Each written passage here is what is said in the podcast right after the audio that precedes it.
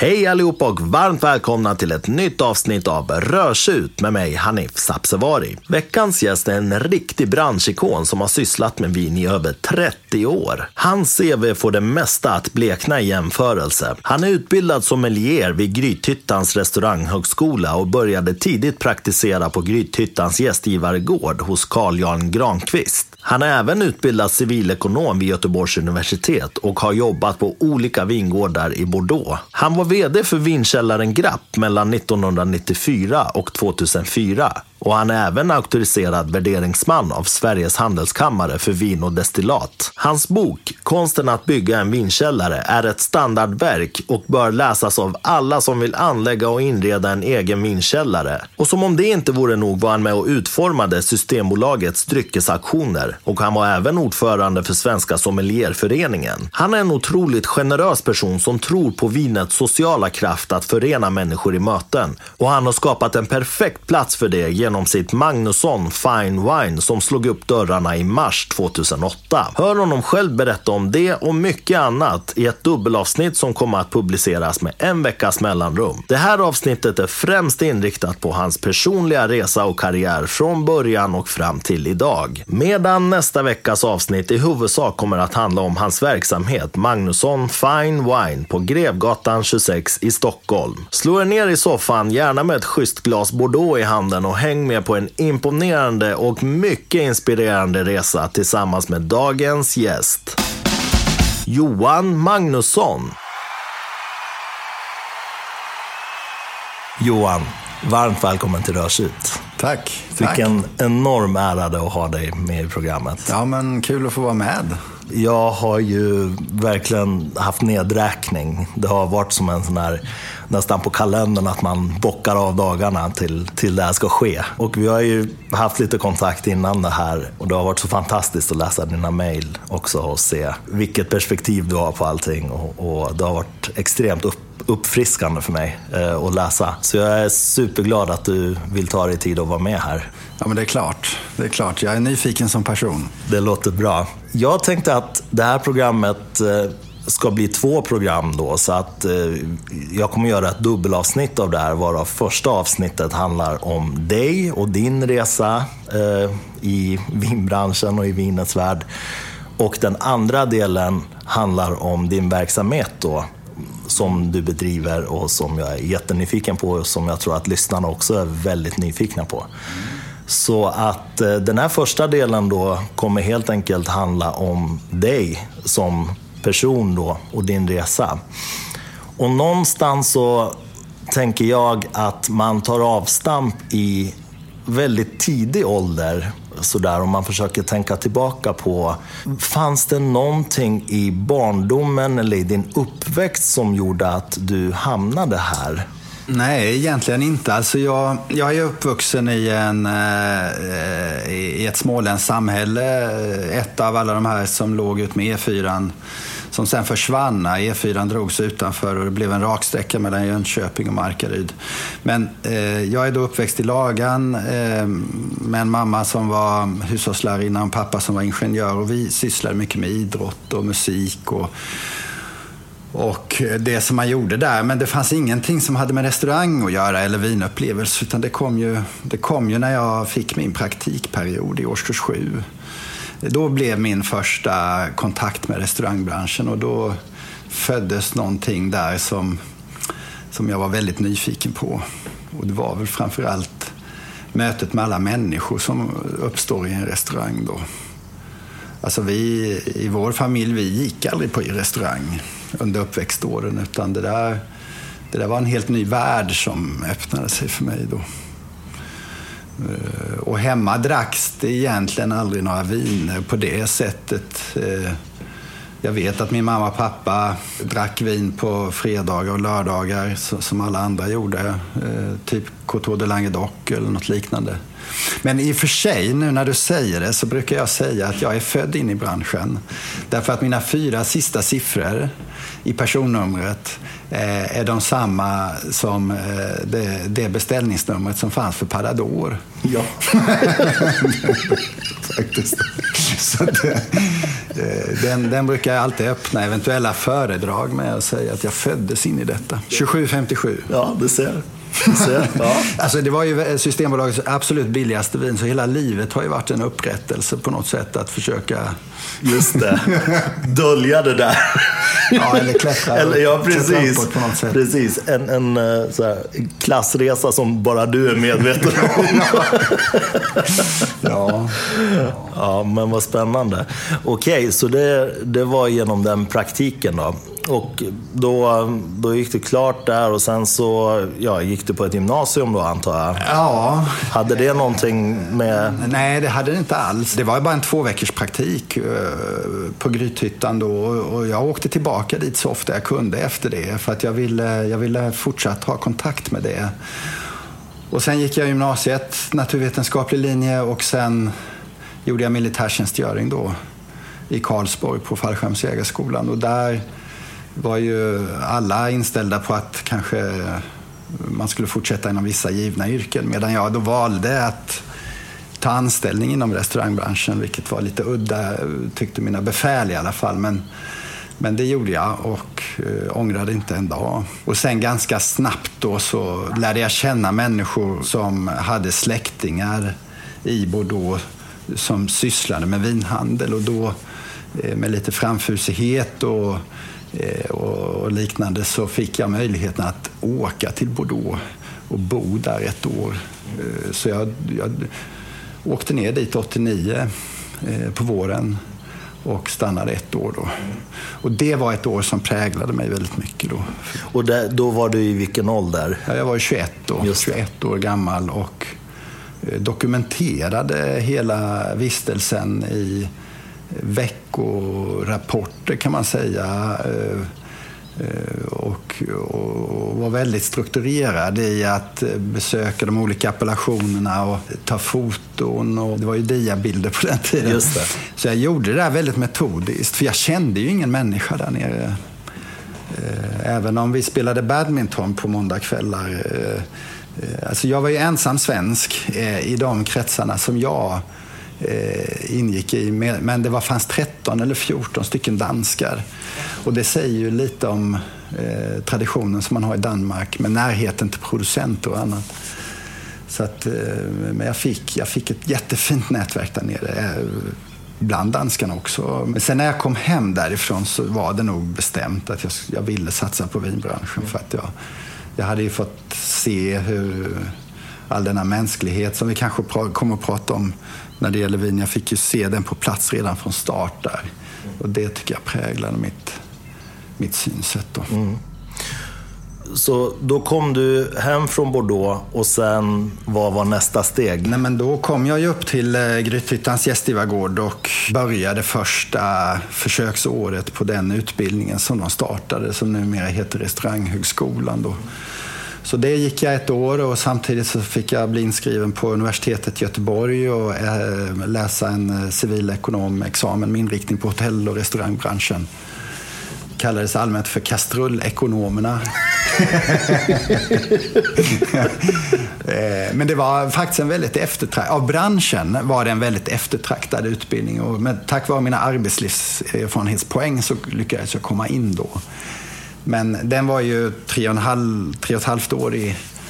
Eh, Så, så när jag läste in den på två, eh, ja det gick lite fortare och då, sen, sen kom jag upp till Grythyttan och skulle ta anställning där. Som, som restaurangchef var idén, men det var ett för stort ansvar för mig. Så att eh, jag bad om förflyttning och då fick jag komma till vinkällaren Grapp då, här längre ner på gatan som, som, som var ett himmelrike som öppnade sig 1 april 94. Eh, då flyttade jag till Stockholm och då gav jag mig hän kan man säga eh, åt allt som erbjöds i vinbranschen. Och det var en väldigt spännande tid för då var det ju en avreglering på marknaden. Alla monopol avskaffades förutom eh, försäljningsmonopolet. Så det startades en mängd nya firmer och det fanns en nybyggaranda med alla de här företagen som skulle positionera sig. Och då hade, och då, eh, hade jag blivit ordförande i Svenska Sommelierföreningen Så att det var ju en position som... Plus att jag var chefredaktör för en vintidning som heter Dina viner. Vi gjorde tv-program på TV6. Just det. Och det fanns, det fanns hur mycket som helst att engagera sig i. Och, och jag levde ensam och jag gjorde allt.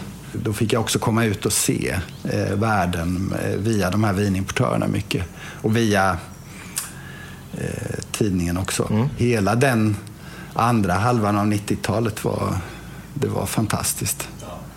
Och vi var ensamma på marknaden på vinkällan Grapp när det gällde att erbjuda vinlagring. Då. Grapp eh, var för obekanta lyssnare? Ja, nej, men det är ju då Sveriges första eh, kollektiva vinlagringskällare som startades 86 av, av eh, Carl Jan, min före detta arbetsgivare då eh, som ägde Grythyttan och vinkällaren Grappo som, som har hjälpt mig väldigt mycket. Och då eh, växte vi väldigt mycket under andra halvan av 90-talet. Och fler människor fick en förståelse för vad, vilken glädje en vinkällare kan ge. Och där stannade jag till 05. Det fanns många andra roliga projekt under den här tiden. Men eftersom det inte fanns så mycket utbildning kanske att gå så fick man ju... Man fick utbilda sig själv ja, kanske? exakt. Mm. Det, var, det, det är upp till dig själv vad du vill, vad du vill veta och så får du ge dig ut och, och ta reda på det. Ja. Och i vissa fall så var vi också med och påverkade utvecklingen på det sättet att Sommelierföreningen som jag var engagerad i fram till 2000 då, där startade vi till exempel Svenska mästerskapen för sommelierer och Nordiska mästerskapen och vi skapade eh, sådana här olika beteenden som, som ses som naturliga idag, som, men som betydde, tror jag, väldigt mycket. Vi decentraliserade till exempel föreningen till olika regionala delföreningar för att få ut kunskapen i olika delar av Sverige. Jag, jag kan tänka så här, och det här gäller väl egentligen kanske allting förutom de tung teoridrivna fälten. Att uh, det här att utbilda sig själv, det finns ju ett enormt värde i det. Ja. För det finns ju så mycket man lär sig på vägen som inte finns i några böcker. Uh, till och med idag skulle jag säga. Ja, ja. Jag tror att man får ett annat perspektiv också på ämnet än vad skolade så att säga, experter har. Ja, ja. Nej, men, eh, I mitt fall så har ju livserfarenheten varit det som jag verkligen har kunnat ta till mig och där jag också har fått förståelse för hur saker och ting fungerar. Och är det någonting som jag ångrar mm. så är det nog att jag inte läste psykologi och filosofi på, på universitetet när jag ändå gick där. Jag skulle vilja... Jag, jag, jag kan se hur, eh, hur den kunskapen också skulle kunna hjälpa mig att få förståelse för hur eh, hur världen funkar eller hur olika man kan tänka då. Vi kan ju kanske distansutbilda varandra. du, du, utbildar mig i Bordeaux och eh, jag försöker eh, kontra med lite filosofi från mitt håll. Ja, nej, men det, nej, men det är ju aldrig för sent. det är inte det och man kan inte vara bra på allt. Det är bara så enkelt. Nej. Speciellt inte om man ska gå så, så, på djupet i någonting också så tar det ju extremt mycket tid. Man, ja. hinner, man hinner inte. Nej. Och livet är ju inte bara det här. Speciellt inte när man kommer upp i en viss ålder och har kanske familj och barn. Och... Nej, nej men så är det ju. Men just den där, de där breda kunskaperna eh, som man får när man går på, på utbildning och så vidare, de är ju inte dumma att ha alltså. Nej, verkligen. Okej, så då, då hamnade du där fram till 2005 då? Ja. Vad hände där? Vad ja, hände under, under, under, tiden, under slutet kan man väl säga också att jag hade, mm, vi, vi, vi, vi startade något företag där som importerade vin som aldrig riktigt flög. Eh, så den erfarenheten fick jag där och vi, jag hade någon idé också om att man skulle kunna utveckla någon typ av internetbaserad eh, virtuell vinkällare som man skulle kunna få människor, det som idag är Seller Trucker i USA. En sån idé hade vi som aldrig, aldrig riktigt eh, kom igång och så vidare. Men 2005 så beslöt jag mig för att, för att sluta där. För det fanns någonting som jag trodde skulle komma men som jag inte visste vad. jag bara kände att jag, jag var tvungen att genomföra en förändring då. Ja, så du, du visste inte riktigt vart du skulle, vad nästa steg är? Nej, jag visste inte det faktiskt. Utan jag gjorde vissa förändringar i privatlivet. Skulle gifta mig bland annat. Då. Och sådär. Och då gällde det att tänka lite mer långsiktigt kanske. Ehm, men, men, men då sa jag upp mig och, och, sen, och sen så, under tiden så hade jag ett uppdrag åt Systembolaget där jag fick vara med och utveckla eh, och etablera dryckesaktionerna i Sverige. Så att 2003 så fick jag en eh, auktorisation av Svenska Handelskammaren att bli värderingsman för vin och destillat. Och då, den auktorisationen hjälpte mig när jag skulle söka om det här uppdraget hos Systembolaget för de letade efter den kunskapen externt. Så att när första dryckesaktionen i november 2004 skulle göras så var vi ett gäng väldigt glada över att jag fick vara med i det gänget att utveckla den och dra upp parametrarna för hur dryckesaktionerna skulle gå till. Och det var det uppdraget som jag kunde eh, försörja mig på eh, under tiden som jag väntade på att ödet skulle Slå ner, slå ner som en blixt. ja. ja, liksom. jo, alltså, Eureka moment. ja. Jag undrar vad framtiden har med sig idag, tänkte man på morgonen när man steg upp. ja, just idag eh, blev det inte bättre än att du fick sitta här med mig. Men eh, vi får se. Eh, men vad spännande. Och det var väldigt spännande. Jag handlar ju mycket på, på den auktionen. Ja. Eh, av det enkla skälet att jag är förälskad i, i gammalt vin. Då. Eh, och det är klart att det finns ju kanaler att, att gå via även utomlands. Men ja. det finns någonting som är bekvämt med att det är i Sverige och att jag vet att det är ändå en duktig värderingsman och någon som har kompetens som har kollat på de här flaskorna och ändå gjort en kvalificerad bedömning. Ja. Och att de inte ska fraktas då och komma från något annat land. Man, det är många osäkra parametrar med, med den varianten. Sen kan man väl diskutera huruvida det är värt att köpa så dyra flaskor vin. Men har man det här som passion så tycker man ju att det är värt det. Mm. Det är ju så. En del köper väldigt dyra bilar och en del köper dyrare vinflaskor. Ja, det finns något spännande i att konsumera vinupplevelsen också. Eh, just för att eh, du konsumerar doften och smaken som ju då inte kommer tillbaka. Nej, exakt. Och det är ett inlåst minne, ett inlåst år som du får ja. dyka ner i. Ja, ja. Det är helt underbart. Ja, men så småningom måste ju ändå den där blixten ha slagit ner då för att du, du fick en väldigt briljant idé. Ja, jag fick hjälp med den idén skulle man kunna säga. För att jag, jag trodde väl aldrig att jag skulle starta egen firma. Men helt plötsligt en dag så ringer min eh, en av eh, personerna i mitt nätverk eh, som eh, Säga att nu har vi hittat en... Nu, har du läst Svenska Dagbladet? Nej. Nej, men nu står det att det är en eh, lokal till salu här på Grevgatan 26 i Stockholm och då, eh, då ska du köpa den och så ska jag hjälpa dig här och så ska du starta eget. så att, eh, han var mycket handfast. Eh, Johan Eriksson som han heter och jag tackar honom än idag för det. För då gick vi hit och vi såg den här lokalen som vi sitter i nu. Mm. Och den var till salu och eh, jag köpte den. Eh, den målades ut som en bostadsrätt med potential, stod det. Men det är ju ett gammalt garage då. Och den köptes in och sen så kontaktade jag eh, människor i mitt nätverk. Thomas Eriksson, arkitekten bland annat. Och, och, och alla tyckte det var kul och vi, vi, vi fick i ordning det här på, på åtta månader med styrsystem och alltihopa, vilket var jättespännande. Och sen öppnade vi då eh, i mars 2008. Eh, perfekt timing eh, ett halvår före finanskrisen kom. Just. Så banken kunde inte göra någonting Nej. utan allt satt i väggarna då. Ja.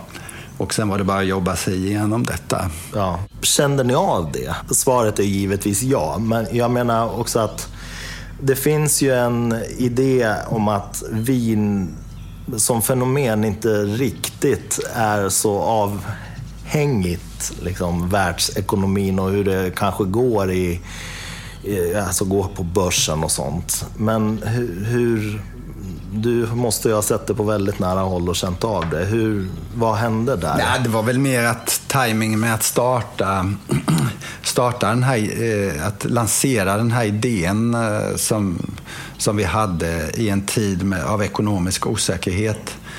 Eh, den kunde naturligtvis ha varit bättre. Eh, därför att eh, det fanns ju en fanns en pedagogiskt inslag i att förklara för marknaden vad det är vi ska göra för någonting. Och sen när det brinner eh, som det gjorde den hösten eh, överallt så kanske inte det finns så många som lyssnar. Helt enkelt, men eh, vi, vi klarade av det. Men jag menar den här senaste krisen som vi befinner oss i just nu, den, den har ju verkligen visat att vinkulturen och vinintresset är så brett idag och det blir ju bara bredare och bredare. Så att nu är ju vin en naturlig del av många människors vardag, vilket gör att, att det är väldigt stabilt. Alltså, man vill ju inte kompromissa med sina vinupplevelser idag. Nej, det gör man ju inte. Jag kan bara prata utifrån mig själv i alla fall. Att eh, det spelar ju ingen roll om det drar runt en orkan utanför fönstret. Eh, den där vinflaskan ja. måste liksom sitta där och det får inte vara vad som helst gärna. Utan Eh, nu är jag så här också att jag dricker väl inte varje dag. Så att i mitt Nej. fall är det väl lite speciellt då. Men, ja. Eh, men eh, ja, de kvällar jag ska dricka då det tänker jag inte, jag tänker inte backa liksom. Nej. Och det, det måste vara en speciell upplevelse. Så att ja. det är en helig stund på något vis. ja, jo, absolut. Men jag tänker så här, vi kommer ju komma till det här då. Ja. Men ska du kort beskriva vad det är som du faktiskt startade där 2008? Nej, men vår vision och den som vi också då har, eh, har eh, realiserat det är att skapa en, en plats eh, där man dels kan lagra sina viner om man vill, men också en plats dit man kan komma och uppleva sina viner. Och att få få hjälp med att öppna de här flaskorna som man kanske har gått och funderat på. När ska jag dricka detta? Och när kommer rätt tillfälle? Att få bli en plattform för detta eller en gräsmatta där man också möter riktiga människor och inte bara på nätet utan det blir fysiska möten där man ses över eh, en vinprovning eller ett glas vin och få tid att sitta ner och prata och att reflektera och att upptäcka med doft och smaken då. Den platsen. Men också en plats där man kan komma för att få kunskap såklart. Och den ska vara avslappnad så att man inte uh, tycker att det här blir något pretentiöst. Utan helt enkelt, om man vill ligga på den här gräsmattan och titta rakt upp i himlen och njuta av det så ska man kunna göra det. Vill du slå de mest avancerade kullerbyttorna så ska du kunna göra det. Så det är ett ganska stort och gediget aktivitetstempo vi håller. Eh, där allt mynnar ut i att man ska försöka avdramatisera vinkällaren till att bli någonting som är naturligt i ett hem. Mm. Och glädjefylld. Och glädjefylld, ja men såklart. Försöka vara med och guida där. Och med, alltså mina medarbetare är jätteduktiga i det här med, med den här kommunikationen också. Att vinet får inte, det får inte bli svårt. Så där, där står vi idag och, eh, och det öppnas fantastiska viner hela tiden som alla bär på sin historia. När, när vi hade kontakt innan det här avsnittet så slogs jag av någonting som jag skulle säga är ändå väldigt udda i den här branschens, jag menar, så mycket som jag har erfarit den just nu. Ja. Och det är att du har en extremt... Det är någonting lite spirituellt över hela ditt väsen. Ditt sätt att skriva, ditt sätt att resonera, ditt sätt att se på saker och ting. Och eh, jag upplever att det är så extremt rörligt och skönt. Det är så progressivt på något vis. För att det, ingenting känns hugget i sten. Jag, jag minns när du när vi hade vår mejlkonversation så skrev du att ja, nu gör vi så här. Det här är så som vi gör. Jag vet inte om det är rätt, men vi gör i alla fall någonting. Mm, mm. Något i den stilen skrev jo. du.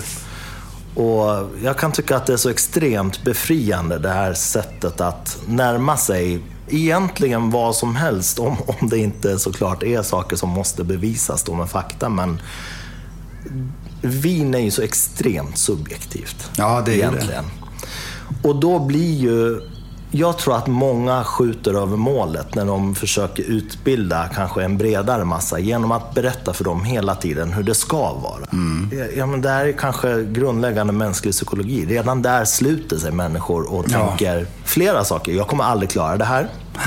Det här är för svårt. Jag ja. förstår inte. Det är för avancerat. Och, och, det, blir, det blir alldeles för stort steg för många att ta. Ja. Och jag tycker att jag kände redan från vår första kontakt att du är så otroligt dynamisk och rörlig i ditt sätt att kommunicera. Upplever du dig själv så? Tycker du att det har liksom varit kanske, jag menar, nu är ju du så här som person, som jag upplever det, men men tror du att det kanske till och med omedvetet har präglat din verksamhet här som du har försökt Ja, bygga? men det tror jag nog att det har gjort på senare år. Nej, men jag tar ju dina ord som en komplimang såklart. Ja, det ska du göra. Eh, för att um, i början så vill man ju gärna tro att det är den enda sanna rätta vägen. Men, men, men man har ju också fått förstå att, att det, det finns ju så många olika sätt att se på saker och ting och vad som är viktigt för vissa är ju säkert inte viktigt för andra och så vidare. Så att eh, den där öppenheten tror jag har utvecklats på senare år. Vilket har varit en väldigt spännande resa hos en själv. Eh, och för, för vad händer med omgivningen om du helt plötsligt ger en, en massa möjligheter istället för fasta ramar. Det, det, blir ju väldigt spännande. Och om du är öppen mot din omgivning så blir omgivningen öppen mot dig. Eh, och det tycker jag är jättekul. Vi gör ju det som vi tror på. Jag började i vinbranschen ganska, som ganska ung och jag tror att jag har gått igenom kanske de här stegen som, som är naturliga att genomgå. Så om jag träffar en person som är 25 idag så, så jag, jag, tror jag förstår vilka steg den personen kommer att gå igenom framöver. Och... Eh, och det är ju väldigt spännande att få vara i början av sitt vinintresse för det kommer ju öppnas så många insikter och så många dörrar som kommer med tiden. Ja, och, men det är som du sa också tidigare att det, med vin är det ju aldrig för sent heller. Det Nej. är bara så. Det är så enkelt. Jag, jag känner ganska många som upptäcker vin på en seriösare nivå ganska sent faktiskt. Jag är själv ja. lite sån, ska jag vara helt ärlig och säga. Jag har ju alltid varit extremt matintresserad, men jag började min resa liksom i, alltså på whisky-sidan och lagrad eh, whisky och sen tequila, alltså riktig ja. tequila. Eh, och sen så hamnade jag i vinets värld och då gick det ju snabbt. Och då var det också där att det här kommer inte gå över. Nej. Det här är inte något tillfälligt. För att Vinet talar till mig på ett annat sätt. Ja. Eh, för vin för mig är bara en enda sak och det är historia. Ja. Ja. Det är bara vad det är. Så att är man historieintresserad, mm. då ska man börja med vin tycker jag. Ja. Mm, så jätteenkelt, börja bara läs. Den här årgången, vad hände då? Vad ja. hände på den här platsen? Vad var det för förutsättningar? Ja. Och till slut, på något vis, plockar man en flaska i Frankrike, en i Italien, en i USA, en ja. i Spanien. Helt plötsligt vet du exakt vad som hände ja, den visst. tiden. Allting hänger ihop. Ja. För att det var också riktiga människor som levde under de förutsättningarna, som slet mm. och, och fick fram de här vinerna. Så det blir... Eh, man blir ödmjuk. Man blir ju väldigt När man ödmjuk. dricker vin.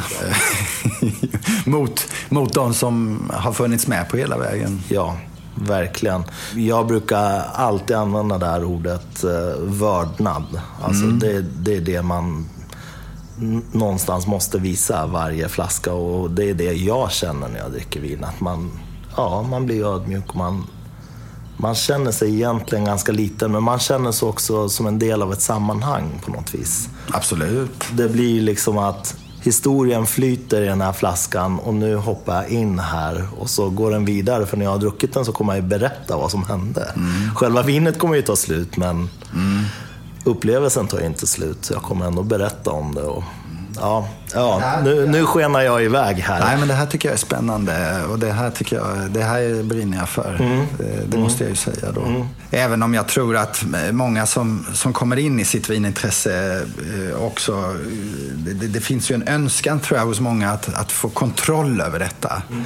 Att liksom eh, kunna kategorisera, att kunna eh, förstå och, och, det ena ger det andra, får en konsekvens på det andra och så vidare. Men det går ju inte. Eh, du kan ju, du kan ju klassificera på ett, sätt, ett, ett visst sätt, men sen kommer ju denna in, subjektiviteten in. Och, och, och tillåter du dig att släppa efter där mm. och låta subjektiviteten inte bli svår. Det är då det häftiga händer.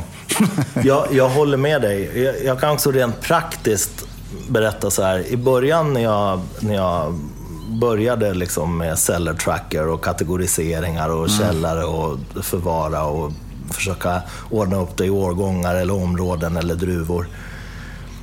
Ja, då var man ju väldigt sådär mm. noggrann. Mm. Nu är det ju totalt kaos om man tänker mm. hur det ser ut mm. eh, i min källare. Eh, för att det är inte det som betyder något längre. Nej. Jag går bara på känsla. Mm. Och vi kommer säkert komma in på det här, för att vi ska ju faktiskt också dricka lite vin tillsammans, vilket ja. jag tycker ska bli otroligt spännande. Eh, men, men det finns, tror jag, en tröskel som man måste kliva över och det kommer bara med att man dricker mycket vin och att man kanske reflekterar lite grann mm. över vindrickande som, som fenomen då. Mm. Och det är att man övergår från att vara väldigt besatt av årgångar och Mm. Ja, men sånt där som Poäng. Jag, ja, men precis. Sånt här som jag faktiskt också har gått igenom i den här podden. Men det är också ja, en liten ändå praktisk manual i hur man kan göra. Men det kommer till en gräns när det är helt obetydligt för, för man inser att det är inte det det handlar om. Det är bara så. Jag, nu för tiden, jag kan öppna flaskor i totalt fel tidpunkt mm. Eh, mm. vad alla säger. Mm. Det gör mig ingenting. För att någonstans, just då vill jag ha en konversation med just det vinet. Mm. Och, och det är just det där som jag vill åt. Men om, om du försöker reflektera kring ditt förhållningssätt till, till vin. Eh, hur det har förändrats från att du var i Bordeaux första gången till idag. Vad, det är ju såklart jättestort ämne kanske att prata om så, men vad har förändrats? När du plockar upp en flaska idag, vad är din känsla jämfört med när du var i början och försökte få grepp om allting? Vad, vilket förhållningssätt har du till själva vindrickandet och vinet idag som fenomen? Ja, det är ju, det är ju mer, rent generellt så är det ju mer avslappnat då. Och eh, jag började ganska tidigt också att, att bygga min egen vinkällare med, med, med idén om att eh, på sikt kunna öppna eh, en flaska eh, perfekt moget vin i veckan resten av mitt liv.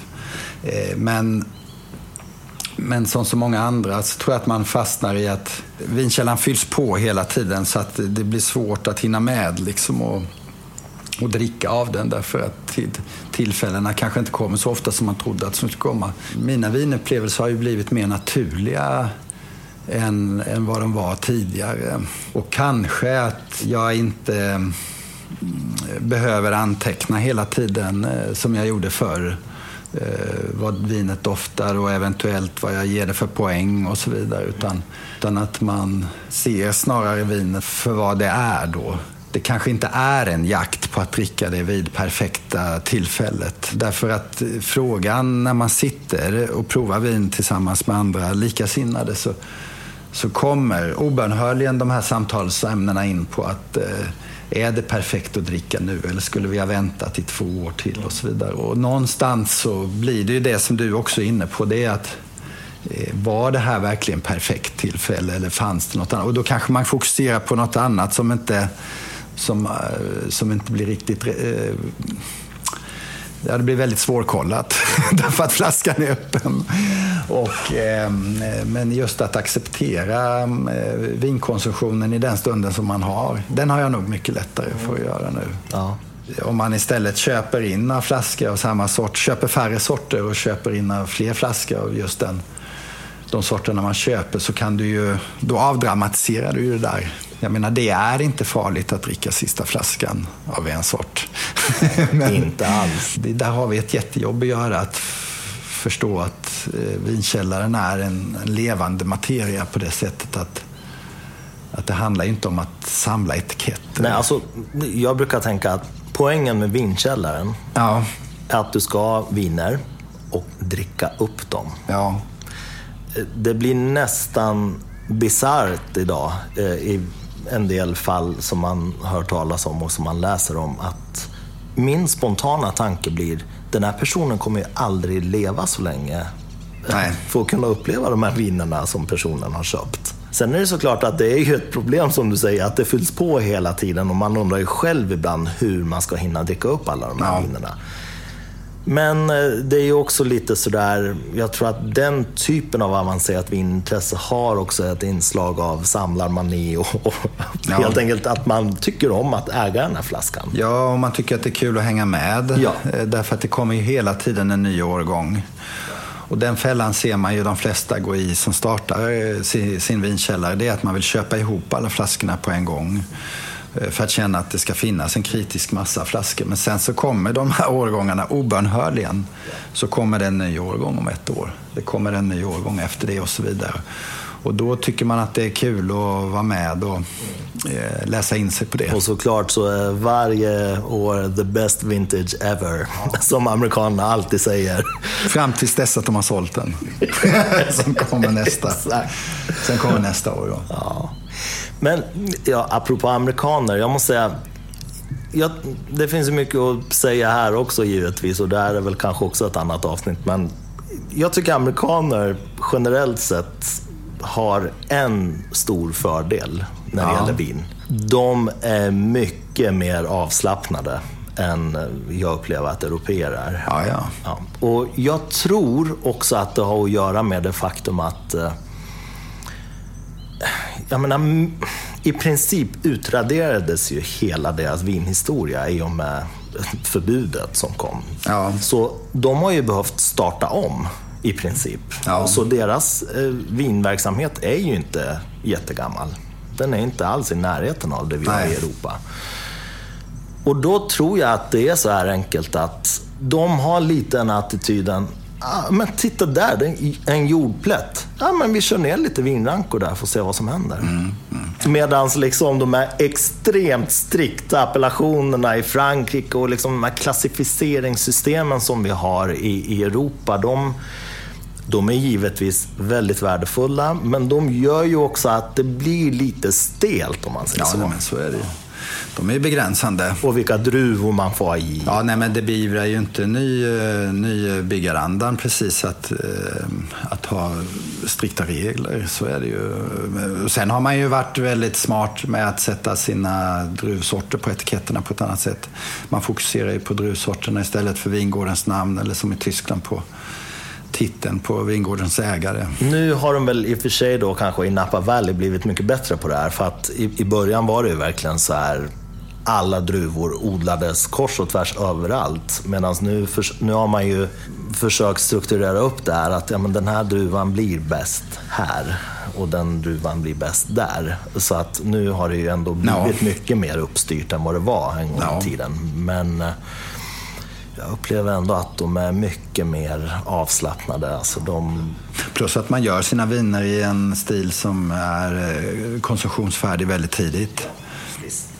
Det här vinet som vi ska dricka här nu, det, har ju, det är gjort i en tid när man gjorde viner i Bordeaux som nästan krävde lite lagring för att det skulle komma till sin rätt. Just det. Vad är det vi ska få dricka här för? Det här är ett eh, vin som jag har haft ett tag i min källare och eh, heter Pichon eh, Baron ifrån eh, Pauillac och är ju som en fysisk byggnad så är det ju en, eh, lite som en sagobyggnad med tinnar och torn. Men det ligger på den allra bästa marken i Pauillac, den här ganska nordliga appellationen på vänstra stranden av Gironde. Och här gör man ju viner med påtaglig andel Cabernet Sauvignon i sig då. Mm. Och en eh, fatlagring på 18-20 månader kan jag tänka mig som generellt då.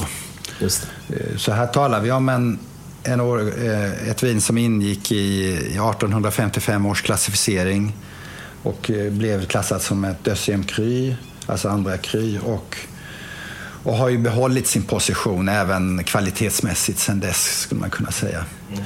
Men det här, jag, jag, jag, jag ville att du skulle prova detta, för det här är, enligt mig så är det här något av det godare man kan dricka. Ja. Spännande. Eh, så att jag häller upp. Gör det. Och det är årgång 95. Ja. Alltså 1995. Just det. Man vet ju aldrig. Nej, men precis. Vi öppnade en flaska Riesling i helgen från 1915. Är det sant? Som eh, var helt gudomligt bra faktiskt. Eh, nu var man kanske lite präglad av att man visste årgången, men men den, det var en torr Niersteingarten mm. eh, ifrån Heilz och Hernsheim i, i Rheinhessen. Och den var, färgen var jättefin. Eh, briljant, eh, ljust gul och mm. smaken var jättefin också. Hur smakar de här torra Rieslingarna när de är sådär gamla? Vätskenivån var väldigt fin i flaskan. Mm. Den här ganska korta korken eh, fanns under en blykapsyl, inte ens en vaxad eh, ja, topp. Mm. Så att eh, den, den, var i väldigt bra skick då. Eh, så att den hade inte fått igång oxidationsprocessen. Det är oftast det som händer då. Och sen så smakade den som Alltså de, de som satt kring bordet som inte visste vad det var, de trodde att det var en Riesling från 80-talet. Så pass? Eh, men så var den då 65 år. Oj. Ja, då var den i bra skick. Äldre då. Men det här är då 95 och den har ju hunnit en bit på sin... Men ska vi... Ja, visst. Vi har ju belysning i bordsskivorna här. Ja, just det. Så att du kan kolla färgen om du vill. Den är ju extremt fräsch i färgen fortfarande. Ja. Den har ju inte börjat tippa över i det här brunaktiga än. Nej, det finns en liten, liten... Eh orange eh, ja, men exakt. ton där ute det, i brimmen. Och, exakt, det börjar komma. Det börjar komma, ja.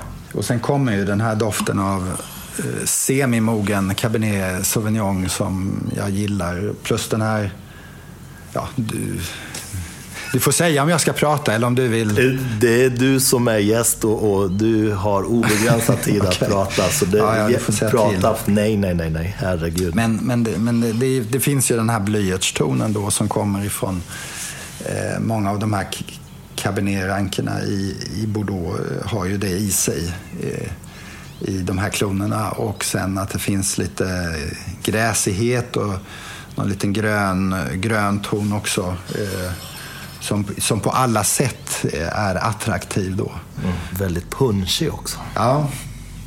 Väldigt mycket punch. Sen kommer ju de här välbekanta cabernet-tonerna när de får ålder. Att det blir lite, drar åt läder och det ja. drar åt eh, stallighet. Ja. Och har man känt den här doften så känner man ju alltid igen Ja, men så är det verkligen. Och, och i grunden är det ju också eh, Cassis svarta vinbär som nästan aldrig går att ta fel på när det, är, när det är cab extremt eh, komplext eh, och samtidigt väldigt fräscht. Mm.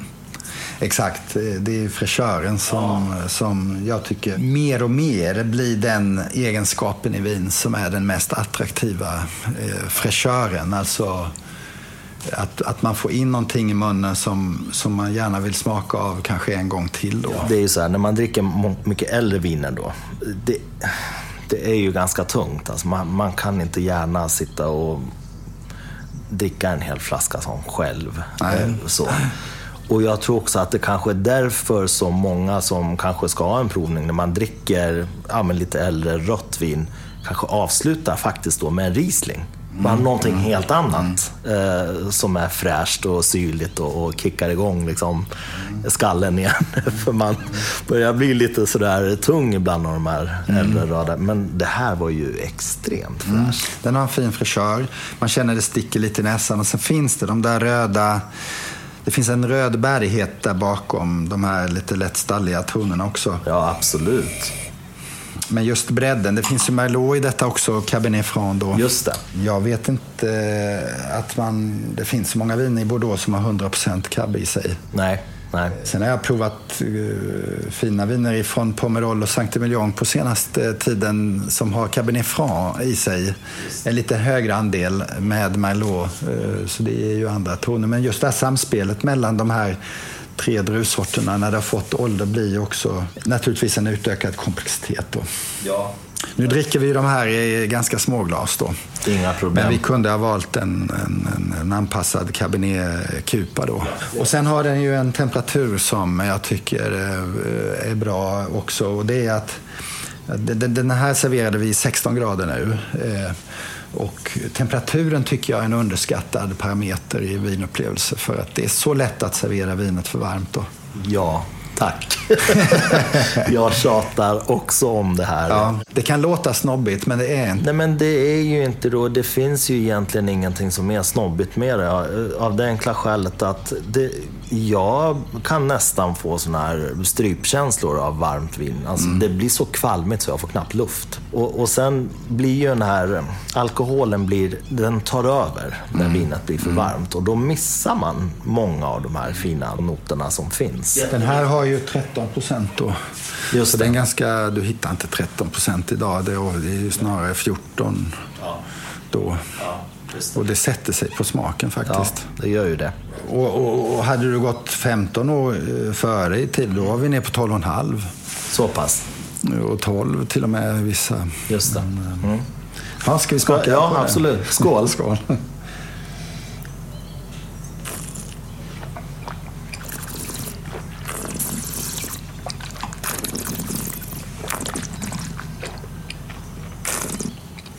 Ja, man slås ju av fräschören den inledande mjukheten, men som, som blir stram efter ett tag. Och det är ju ett eh, välstrukturerat och eh, muskulärt eh, utvecklat vin på det sättet. Den har en stadga.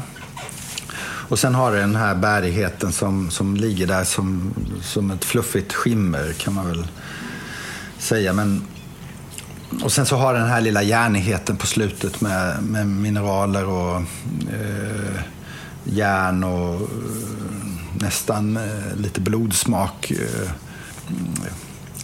ja, det här är ju en smaksak, men jag älskar det här. Eh, jag, jag tycker det här var fantastiskt gott. Eh, jag skulle nog säga att den här, eh, sitter man på ett par sådana här flaskor så ska man nog definitivt öppna den nu och känna det. Ja. Men den här, den här kan man öppna om ja, en bra, ett bra tag också. Då kommer den ju ha tippat över i den här stalligheten betydligt mer ja, ja. och förlorat mycket av den här bärigheten. Men just nu är den ju i perfekt balans. Den har ju någon sån här bläckig beska också i ja. eftersmaken som är helt underbar. Lite bitter bittert men ändå väldigt elegant på något ja, vis. Ja, men det håller jag med om. Det är ju... Och syrligheten är man inte riktigt beredd på, kan jag Nej. säga. Och möjligen, möjligen att vissa människor kan tycka att den här känns lite tunn. Ja. Just för att den har eh, den där markanta strävheten som kommer fram efter ett tag. Men men det här är ju då gjort i en tid när man i Bordeaux eh, transformerar sin vinmakning från, eh, från det traditionella till det moderna på något sätt. Så det, är också en experimentell tid. Eh, därför att ehm, när jag var i Bordeaux i slutet på 80-talet så kom ju de amerikanska vinerna med Helen Turley och hennes man som började göra sina fruktdrivna. Och de fick väldigt mycket uppmärksamhet och eh, man förstod, tror jag, i den traditionella världen att nu var man tvungen att göra sina viner mer tillgängliga som unga. Mm.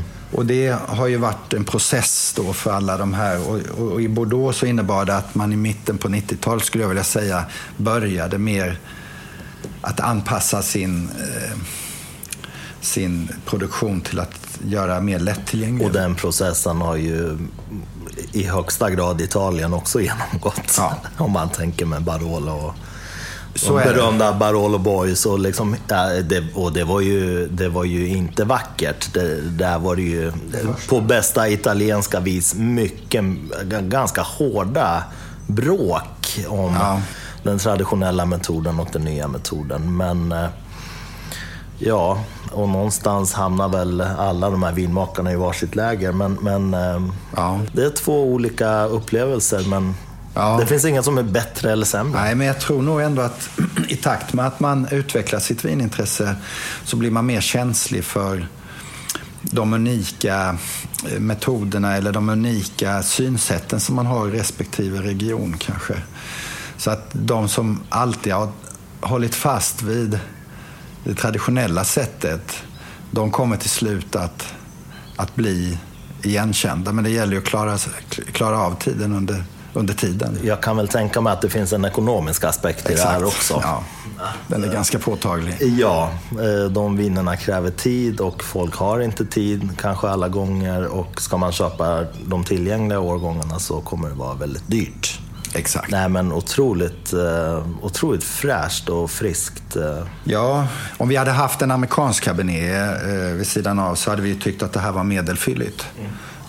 även om det nu klassas kanske som ett fylligt vin då. Men, men just, just lättheten i munnen gör ju att, att man gärna tar ett en sipp till. Verkligen. Och, och, eftersmaken är inte en sån här som... Jag skulle inte säga att det är lång eftersmak på det här, utan den, eh, den hänger inte kvar i munnen, vilket i det här fallet är ganska skönt. Mm. Det gör att man, som du säger, man, man vill bara fortsätta dricka. Bordeaux tycker jag jag har varit, ehm, är ju också kvalitetsvinernas vagga på något sätt. På många sätt. Jag måste säga, i och med att jag kanske, liksom, i alla fall hittills, har varit mer Italienbaserad i mitt vindrickande, ja. så måste jag säga att när jag ändå har börjat svänga om mer till Frankrike nu, i alla fall på senare tid, vilken otrolig kvalitet det är, alltså rent praktiskt. Korkarna, förslutningen, inte tillstymmelse till att det är korkade eller oxiderade viner. Medan när jag har druckit äldre italienska viner så händer det faktiskt eh, en och annan gång att det är väl kanske inte odrickbart, men man känner ju av oxideringen ja. på ett annat sätt. Ja, det är också ett, ett vinland som är präglat av en enorm stolthet när det gäller att tillverka sina viner. Och, och där kan man ju säga att appellationssystemet har hjälpt till. Och, att man verkligen har ehm, eh, liksom slagit fast vad är, det som är, vad är det som är bra i det här området och så vidare. Så det har väl fungerat eh, på ett bra sätt så att man har ökat stoltheten och så vidare. Då. Jag, jag kommer att tänka på en lyssnarfråga också Jaha. som jag kanske kan ställa till dig eftersom du är så otroligt insatt i allt det här. När det gäller korken. Mm. Jag menar, man brukar väl kanske säga så här generellt sett att viner som ska lagras länge mår bra av att ha naturkork då, eftersom det hjälper till att eh, andas och, och, och det blir en naturlig process som gör att det blir hållbart över, över tid. Mm. Samtidigt kan jag inte låta bli att tänka så här. Eh, det, det görs ju en, en hel del, ja, men framförallt nya värdenviner idag och pinoter eh, till exempel eh, från både USA och Australien som släpps med skruvkork. Mm. Och som också ska lagras gärna 10-15 år. Och, och, då kommer jag att tänka på den här lyssnarfrågan. Borde det inte vara precis tvärtom, att man vill försluta helt och hållet och inte låta någon luft komma in överhuvudtaget i vinet? Och varför gör man så här? Har du något bra, någon bra utläggning om det? Ja, men min reflektion är ju att ehm, eh, har du en skruvkork i, i, flaskan så, så kommer det ju inte in någon luft överhuvudtaget utifrån. Och då får ju flaskans oxidation, alltså vinets oxidation, får ju nöja sig med den, eh, den luften som finns inne i flaskan. Mm. Då. Medan eh, har du en naturkork så, så sker det en viss utväxling via den naturkorken och den, den oxidationen utvecklar ju vinet då. Mm. Så att eh, det, en, en mognadsprocess i en flaska med skruvkork går ju mycket långsammare mm. än eh, naturkork för slutet vin. Då. Precis, för den, den, jag tänker så här, den parametern man missar om det är en skruvkork till exempel. Ja det är ju den parametern man vill åt när man till exempel slår ut ett vin på karaff. Alltså man vill åt luften för att det händer saker med ett vin när det kommer i kontakt med luft och, och börjar oxidera. Eh, men det är klart att vin som är totalt förslutet, det händer ju saker i i flaskan ändå. Alltså, det gör det ju. Ja, ja. Men det är exakt som du säger, att det skulle nog förmodligen ta dubbelt så lång tid, ja. minst. Det är därför många säger att ju större flaskan är i sitt format, desto bättre är det för att lagra vinet. Och den logiken är väldigt enkel eftersom är, i förhållande till volymvin så är det en mycket mindre andel luft inne i flaskan då. Så det är, det är fullkomligt logiskt att en Magnumflaska håller längre än en halvflaska. Ja, och att det smakar annorlunda sen när man dricker också jämfört med Ja, nej, men så är det ju. Ja. Så, så där har vi en till problematik med det här med årgångar. Att man kanske inte ska stirra sig jätteblind på det här. Ehm, utan eh, köper du en Magnumflaska från en årgång och en vanlig flaska då från samma årgång så är det fortfarande två helt olika upplevelser. Ja, ja. Och sen har du ju lagringstemperatur som är viktig att ta, del, ta hänsyn till också. Och alla dessa omständigheter som vinet utsätts för. Precis, fuktighet och luftfuktighet.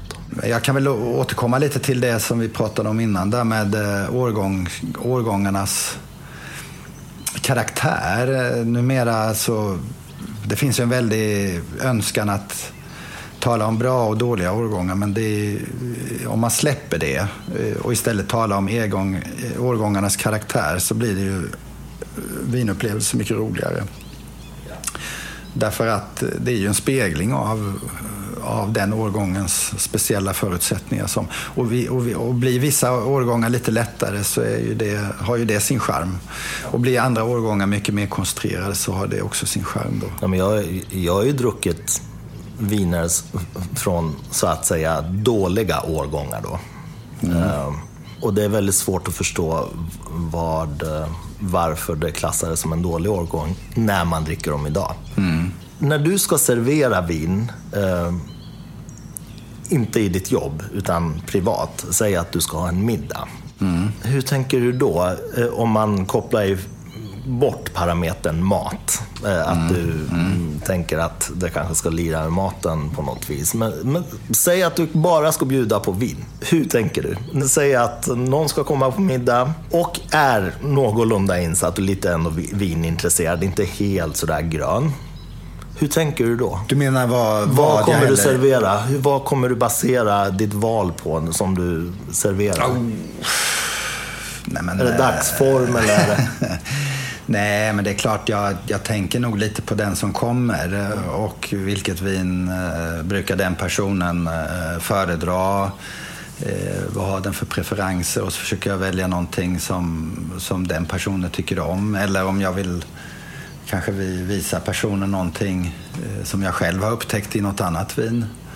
Som jag skulle vilja dela med mig av eller höra den personens synpunkter på. Men ehm, rent generellt så tror jag att jag försöker uppehålla mig så länge som möjligt vid att inte tala om vad vinet är för någonting utan mer om vinets egenskaper. Och, för jag, man kanske kan tro att jag provar en mängd olika viner hela tiden, vilket jag kanske gör, men jag får aldrig riktigt tid för reflektionen. Så den tycker jag är en påtaglig del av vinupplevelsen, att kanske njuta av doften och filosofera lite över det och likadant över smaken då. Mm. Så att eh, jag försöker dra ut på den där stunden så länge som möjligt även om det finns en väldig önskan att eh, ganska snabbt få reda på vad det är för någonting. Men eh, det kan ju också ha lite med årstiden att göra. På våren har jag nog lättare för att dricka eh, torra vita viner än på hösten till exempel. Så att det har lite årgångsvariationer. Vi, i, vår, I vår familj så dricker vi ju vissa viner vid vissa tillfällen också. Eh, sådär som man liksom kan göra nästan till en årlig tradition att eh, till gåsmiddagen så dricker vi det. Och, och du, du, du, skrev ju i ett mejl om, om ett sånt vin. Vill du, du behöver inte berätta det, men vi har ju en gemensam, ett gemensamt favoritvin då som ja. jag har hyllat också väldigt mycket. Vår kära Chateau Musar. Ja. Eh, vill du berätta det? För det tycker jag är så ja, fint ja. på något vis. Nej, men det är ingen hemlighet. Vi serverade ju Chateau Musar eh, på vårt bröllop, Lotta och jag. Och um, alltså, för det första så var ju vinerna till bröllopet inköpta innan jag hade träffat min blivande fru. så, det var, så det var väl eh, det var väldigt tur att hon, tyckte, att hon tycker om vin överhuvudtaget. Eh, men att hon också tycker om de här vinerna då. Men champagnen och det röda och det eh, vita, söta vita vinet, var, allt var klart. Så det behövde vi inte tänka på. Men eh, Chateau Musard tycker jag är ett vin som, som bär på så mycket och det har ju vi också talat om. Att det finns så många dimensioner i det vinet. Men, men, men, men det kom ett läge på Systembolaget eh, 94 när de, man sålde just den här årgången som hade blivit omskriven och då passade jag på att köpa x antal flaskor som, som då serverades på, på det här bröllopet och sedan så har vi kvar eh, ett antal flaskor som man då dricker en flaska av varje år på bröllopsdagen. Då. Vilket är en väldigt fin tanke att knyta ihop det med den upplevelsen och med den här tiden som har förflutit. Då. Ja, det blir, det blir en fantastisk... Det är så många lager i den upplevelsen. Ja. Dels har du ju vinet ja. och sen har du ett bröllop då. Ja. Ehm, så att bara där har, du två, har man två helt olika år. Ja. Och sen varje år när man kommer tillbaka till det har det ju hänt saker. Så det blir... Eh, men jag, jag tyckte det var så fantastiskt att, att läsa det där i ditt mejl. Att det blir så många lager på, ja. alltså, i den upplevelsen. Ja, och man kan ju haka upp det på andra. Man kan ju haka upp det på andra. Vi har ju till exempel köpt eh, till våra barn eh, deras födelseår som, som de kommer att få en dag och det tycker vi tycker jag är väldigt kul. Tänk om mina föräldrar hade tänkt på det. Ja. När man själv, eh, så tänker man ju obönhörligen, men jag tror att de kommer att ha glädje av de där. Därför att utan att göra någon större grej av det då. Men, ehm, nej, men champagnen från bröllopet har vi kvar fortfarande. Just. Också, så att, ehm, att dricka vin med någon, det får gärna ta lite tid. Ja. Eh, och, och det här att eh, hasta igenom x antal olika sorter kan ju ha sin charm. Men det känns som mer eh, klokt kanske att eh, njuta av vinet som det är under en längre tid. Då. Jag tycker det är väldigt svårt att dricka väldigt många vinsorter. Eh, så, eh, av det enkla skälet att dels förlorar man lite perspektiv. Eh, och, och dricker man inte, alltså, om man inte dricker så här och spottar, mm. vilket jag har väldigt svårt för att göra för att det känns som att jag hånar det där vinet på något vis. Det, det bär emot på något vis. Så blir det ju, man får ju ganska snabbt en ganska avtrubbad palett. Mm nu de provningar vi har haft på, på podden då har ju varit eh, tre viner då oftast. Ja. Uh, mer än så skulle han nog inte mäkta med och det är nästan på gränsen till ibland. Ibland har jag tänkt att man kanske skulle nöja sig med två bara. Mm. Det, jag vet, man förlorar perspektiv och på något vis, så, som du säger, jag vill gärna kunna reflektera. Mm. Och, och grotta ner mig sådär i, ja men inte bara doft och smaknoter utan ta det lite lugnt. Låta det landa lite i kroppen och, och tänka lite. Och... Mm. Det hinner man inte när det ska testas på löpande band. Sådär. Nej, men så är det ju. Kanske också sätta fingret på serveringsordning då. Mm. Att, eh, ska man dricka olika viner under en kväll så kan man ju kanske ta dem lite bättre i början och sen så kanske man går mot det enklare på slutet. Även om den ordningen kanske är väldigt svår att hålla. Ja. Så, men som en nyårsafton till exempel, då brukar ja. vi oftast dricka det, den bästa champagnen först och sen så ja. går man mot enklare. Ja, men precis. Ja, men exakt. För det där, det där är ju ett, eh, vad jag kan tycka, kanske ett misstag. Att man mm. sparar den finaste champagnen till tolvslaget när man är ja. totalt avtrubbad. Eh, I paletten i alla fall. Kanske på andra sätt också. Men börja med den fina champagnen. Mm, exakt. När man, är, när man har smaklökarna med sig. Och, Ja. Är pigg, ja, förhoppningsvis. Ja, ja, precis. Tycker du att vi har på något vis eh, fångat upp eh, huvudpunkterna i, i din resa? Jag, menar, jag tror att alla som lyssnar på det här förstår, ibland kommer du med sådana här snabba avstickare, att ja, så gjorde jag det. Man förstår ju hur extremt mycket du har gjort och hur extremt mycket du måste ha hunnit med. Och eh, jag tror att vi missar nog kanske en hel del här också, men, men på något vis så, så kanske vi har fått bra grepp om huvuddragen i din karriär. Ja, ja, absolut. Nej, men vi, vi har många i, alltså, Det är lite som Ingvar Kamprad sa, att det mesta är ju ogjort och det, så handlar det om för oss också då, att vi har ju så vi är fortfarande nyfikna och vi vill fortfarande vara med och utveckla eh, och vi vill fortfarande bidra då.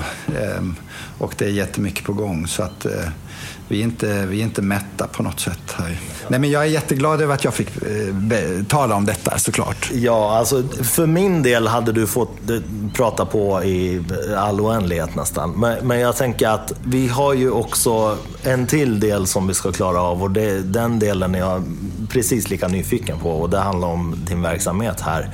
Så att om vi gör så här att vi, vi eh, avslutar den här delen så tar vi en liten paus och sen så återkommer vi med nästa del då. Tack så mycket.